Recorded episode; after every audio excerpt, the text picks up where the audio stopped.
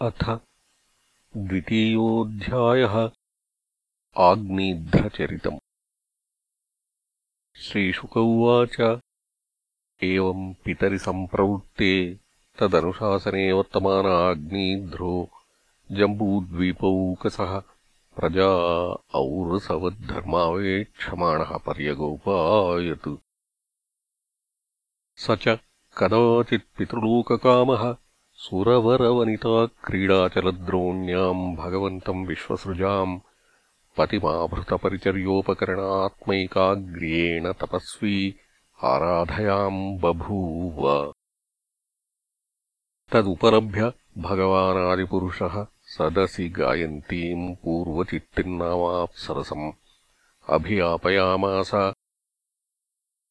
सा च तदाश्रमोपवनम् अतिरमणीयम् विबिधनिबिडविटपविटप निकरसंश्लिष्टपुरटलतारूढस्थलविहङ्गममिथुनैः प्रोच्यमानश्रुतिभिः प्रतिबोध्यमानसलिलकुक्कुटकारण्डव कलहंसादिभिर्विचित्रमुपकूजितामल जलाशयकमलाकरम् उपबभ्राम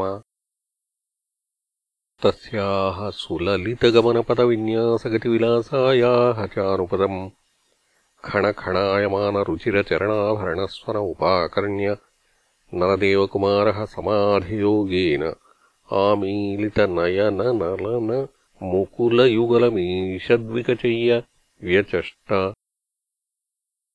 तामेवाविदूरे मधुकरीमिव सुमनसः उपजघ्रन्तीम् दिविजमनुजमनोनेनाह्लाददुघैर्गतिविहारव्रीडाविनयावलोकसुस्वराक्षरावयवैः मनसि नृणाम् कुसुमायुधस्य विदधतीम् विवरम् निजमुखविगलितामृतासव सहासभाषणामोदमदान्धमधुकरनिकरोपरोधेन द्रुतपदविन्यासेन वल्गुस्पन्दनस्तनकलश कबरभाररशनान् देवीम् तदवलोकनेन विवृतावसरस्य भगवतो मकरध्वजस्य वशमुपनीतो जडवदिति होवाच। का त्वम् चिकीर्षसि च किम् मुनिवर्यशैले?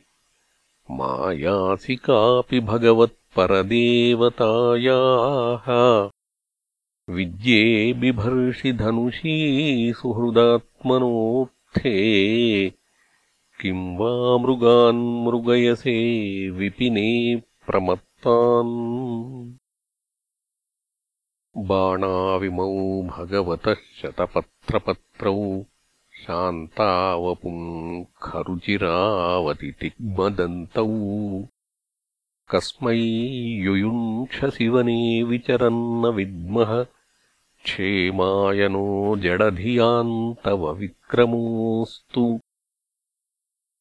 शिष्या इमे भगवतः परितः पठन्ति गायन्ति साम सरहस्यमजस्रमीशम्। युष्मच्छिखाविलुलिताः सुमनोऽभिवृष्टीः।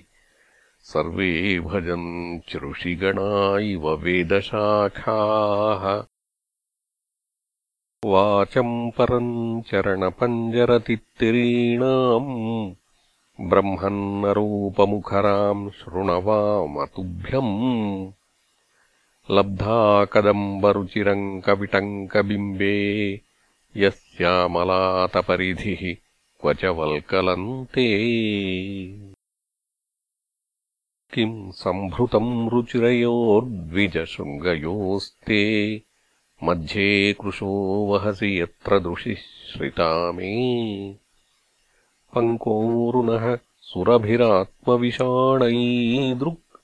येनाश्रमम् सुभगमे सुरभीकरोषि।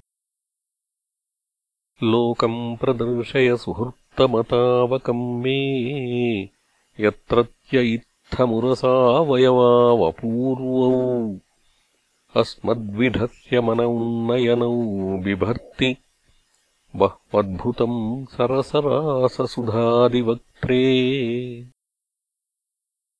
का वात्मवृत्तिरदनाद्धविरङ्गवाति विष्णोः कलास्यनिमिषोन्मकरौ च कर्णौ।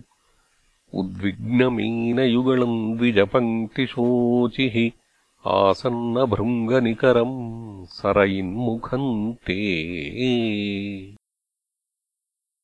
योऽसौ त्वया करसरोजहतः पतङ्गो।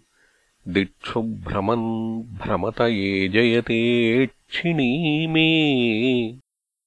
मुक्तम् न ते स्मरसि वक्रजटावरूथम् कष्टोऽनिलोहरति लम्पट एष नीवीम्। रूपम् तपोधनतपश्चरताम् तपोघ्नम् ह्येतत्तु केन तपसा भवतोपलब्धम्। चर्तुम् तपोर्हसि मया सह मित्रमह्यम् किम् वा प्रसीदति स वै भवभावनो मे।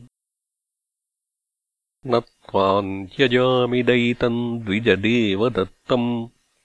यस्मिन्मनोदृगपि नो न वियातिलग्नम् माम् चारुशृङ्ग्यर्हसि नेतुमनुव्रतम् ते चित्तम् यतः प्रतिसरन्तु शिवाः सचिव्यः। श्रीशुक उवाच इति ललनानुनयातिविशारदो ग्राम्यवैदग्ध्यया परिभाषया ताम् विबुधवधूम् विबुधमतिः अधिसभाजयामास।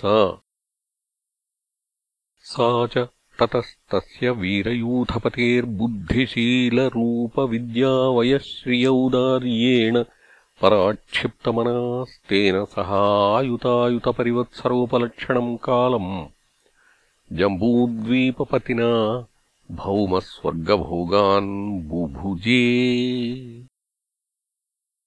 तस्यामुह वा आत्मजान् स राजवरः आग्नेध्रो नाभि किम् पुरुष हरिवर्षेलावृत रम्यकहिरण्मय कुरु भद्राश्वकेतुमालसञ्ज्ञान् नवपुत्रानजनयत् सा सूत्वाथ सुतान्नवानुवत्सरम् गृह एवापहाय पूर्वचित्तिर्भूय एवाजम् देवमुपतस्थे। आग्नेध्रसुतास्ते मातुरनुग्रहाद उत्पत्तिकेनैव संहननबलोपेताः पित्रा विभक्ता आत्मतुल्यनामानि यथाभागम् जम्बूद्वीपवर्षाणि बुभुजुः आग्नेध्रो राजा अतृप्तः कामानाम् अप्सरसमेवानुदिनमधिमन्यमानस्तस्याः सलोकताम् श्रुतिभिरवारुन्धयत्र पितरो मादयन्ते। सम्परेते पितरि नवभ्रातरो मेरुदुहितॄर्मेरुदेवीम् प्रतिरूपाम् उग्रदंष्ट्रीम् लतान् रम्याम् श्यामान् नारीम् भद्राम् देववीतिमिति सञ्ज्ञा नवोदवहन्। इति श्रीमद्भागवते महापुराणे पारमहंस्याम् संहितायाम् पञ्चमस्कन्धे द्वितीयोऽध्यायः